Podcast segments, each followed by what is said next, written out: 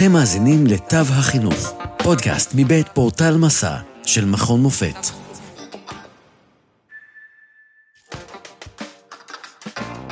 תופעת העבודות האקדמיות הקנויות וההתמודדות עימה. כאן דוקטור ברק בר זוהר ממרכז הידע האקדמי במכון מופת ופורטל מסע, ואני אהיה כאן איתכם היום. מדי פעם אנחנו שומעים סיפורים על קנייה אינטרנטית מפוקפקת של מטלות אקדמיות, סמינריונים ואפילו עבודות גמר ודיסרטציות. המוצרים האלו מפורסמים ברשת קבל עם ועדה, מטעם עשרות חברות עלומות שם, מוצעים לסטודנטים מן השורה במכללות האקדמיות ובאוניברסיטאות, ונקנים על ידם בשל נסיבות של עצלות, חוסר זמן, מוטיבציה נמוכה, שחיקה או מצוקה אחרת. שלל החברות האלו מפתות סטודנטים לרכוש עבודות אקדמיות ברמה משביעת רצון, לעתים באמתלה של סיוע בכתיבת עבודה אקדמית, בסכום ממוצע של כשלושת אלפים שקלים, כאשר המחירים ממשיכים להאמיר.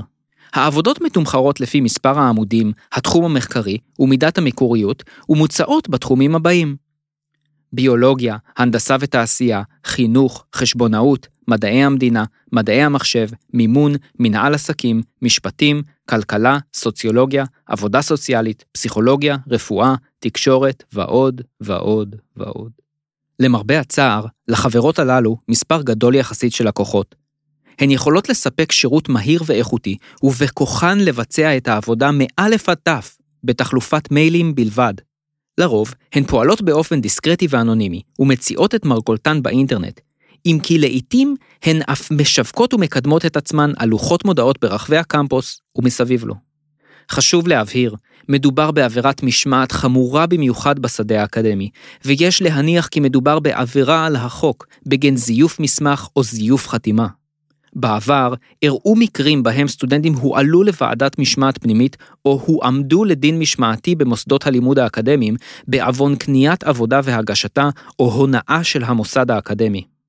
ברוב המקרים, המטלה נפסלת והסטודנטים מושעים מהלימודים או מסולקים מהמוסד האקדמי לצמיתות, אך לא מואשמים בפלילים. במקביל, כותבי וספקי העבודות הקנויות נחשבים לשותפים לפשע ואף למוציאים לפועל, אך קשה מאוד עד כמעט בלתי אפשרי לתפוס אותם בעת הנוכחית. בתוך כך, בין אם הסטודנט מפגין סגנון אקדמי או יכולת כתיבה יוצאת מגדר הרגיל, ובין אם הפסקאות נראות דומות לטקסט שכבר הוגש, קשה מאוד לזהות ולהוכיח ב-100% שהעבודה האקדמית לא נכתבה על ידי הסטודנט. כמו כן, יש להיזהר מאוד מהאשמות שווא, ואפילו בודקי עבודות, מתרגלים ומרצים, עלולים להימנע מדיווח על חשד להעתקה בשל קשיים בירוקרטיים, סיבוכים משפטיים וטרחה אישית לא רצויה. על רקע האמור לעיל, כמה עצות לסטודנטים המתקשים בלימודיהם ושוקלים לשלם עבור עבודה קנויה. היו פיקחים, מטרתם המרכזית של החברות המציעות עבודות קנויות היא להרוויח כסף, ולא ללוות אתכם בדרככם האקדמית או לדאוג לעתידכם. הם שומרים על אנונימיות, בעוד שאתם חתומים על המסמך המוגש. אתם מסכנים את שמכם הטוב ואת עתידכם באקדמיה, לא הם. חפשו עזרה ממקור לגיטימי. אם המשלב האקדמי מסובך עבורכם, נסו להתייעץ עם חבר לספסל הלימודים, או לפנות לסטודנט ותיק או לבן משפחה מנוסה. או בדקו האם בקמפוס קיים מנגנון הכולל סיוע סטודנטיאלי מטעם דיקנט הסטודנטים. לכו תדעו, אולי בסוף תשיגו ציון משביע רצון, תרכשו חברים חדשים, תחדשו קשרים, או תכירו את שירותי האוניברסיטה או המכללה טוב יותר. סוף מעשה במחשבה תחילה. נסו לחשוב בינכם לבין עצמכם, מה הניע אתכם להיכנס לשערי האקדמיה מלכתחילה? מדוע חשוב להמשיך ללמוד? בסופו של דבר, אתם צריכים להישאר נאמנים לעצמכם, לערכים עליהם גדלתם ולאתיקה המנחה אתכם. נכון, מצער ומאכזב מאוד לנשור מהלימודים, אבל קניית עבודה והגשתה הינה חמורה כפליים. שמרו על המוניטין שלכם. הימנעו בכל דרך מעמידה לוועדת משמעת אקדמית. לא רק שתסולקו מהמוסד, העבודה הקנויה עלולה להיות ככתם שנשאר על הקיר, כמו בשירו של דוד אבידן. אתם תיאלצו להסביר למשפחתכם וקרוביכם מדוע נזרקתם מן המוסד האקדמי, ולמה נקטעו החיים הסטודנטיאליים שלכם.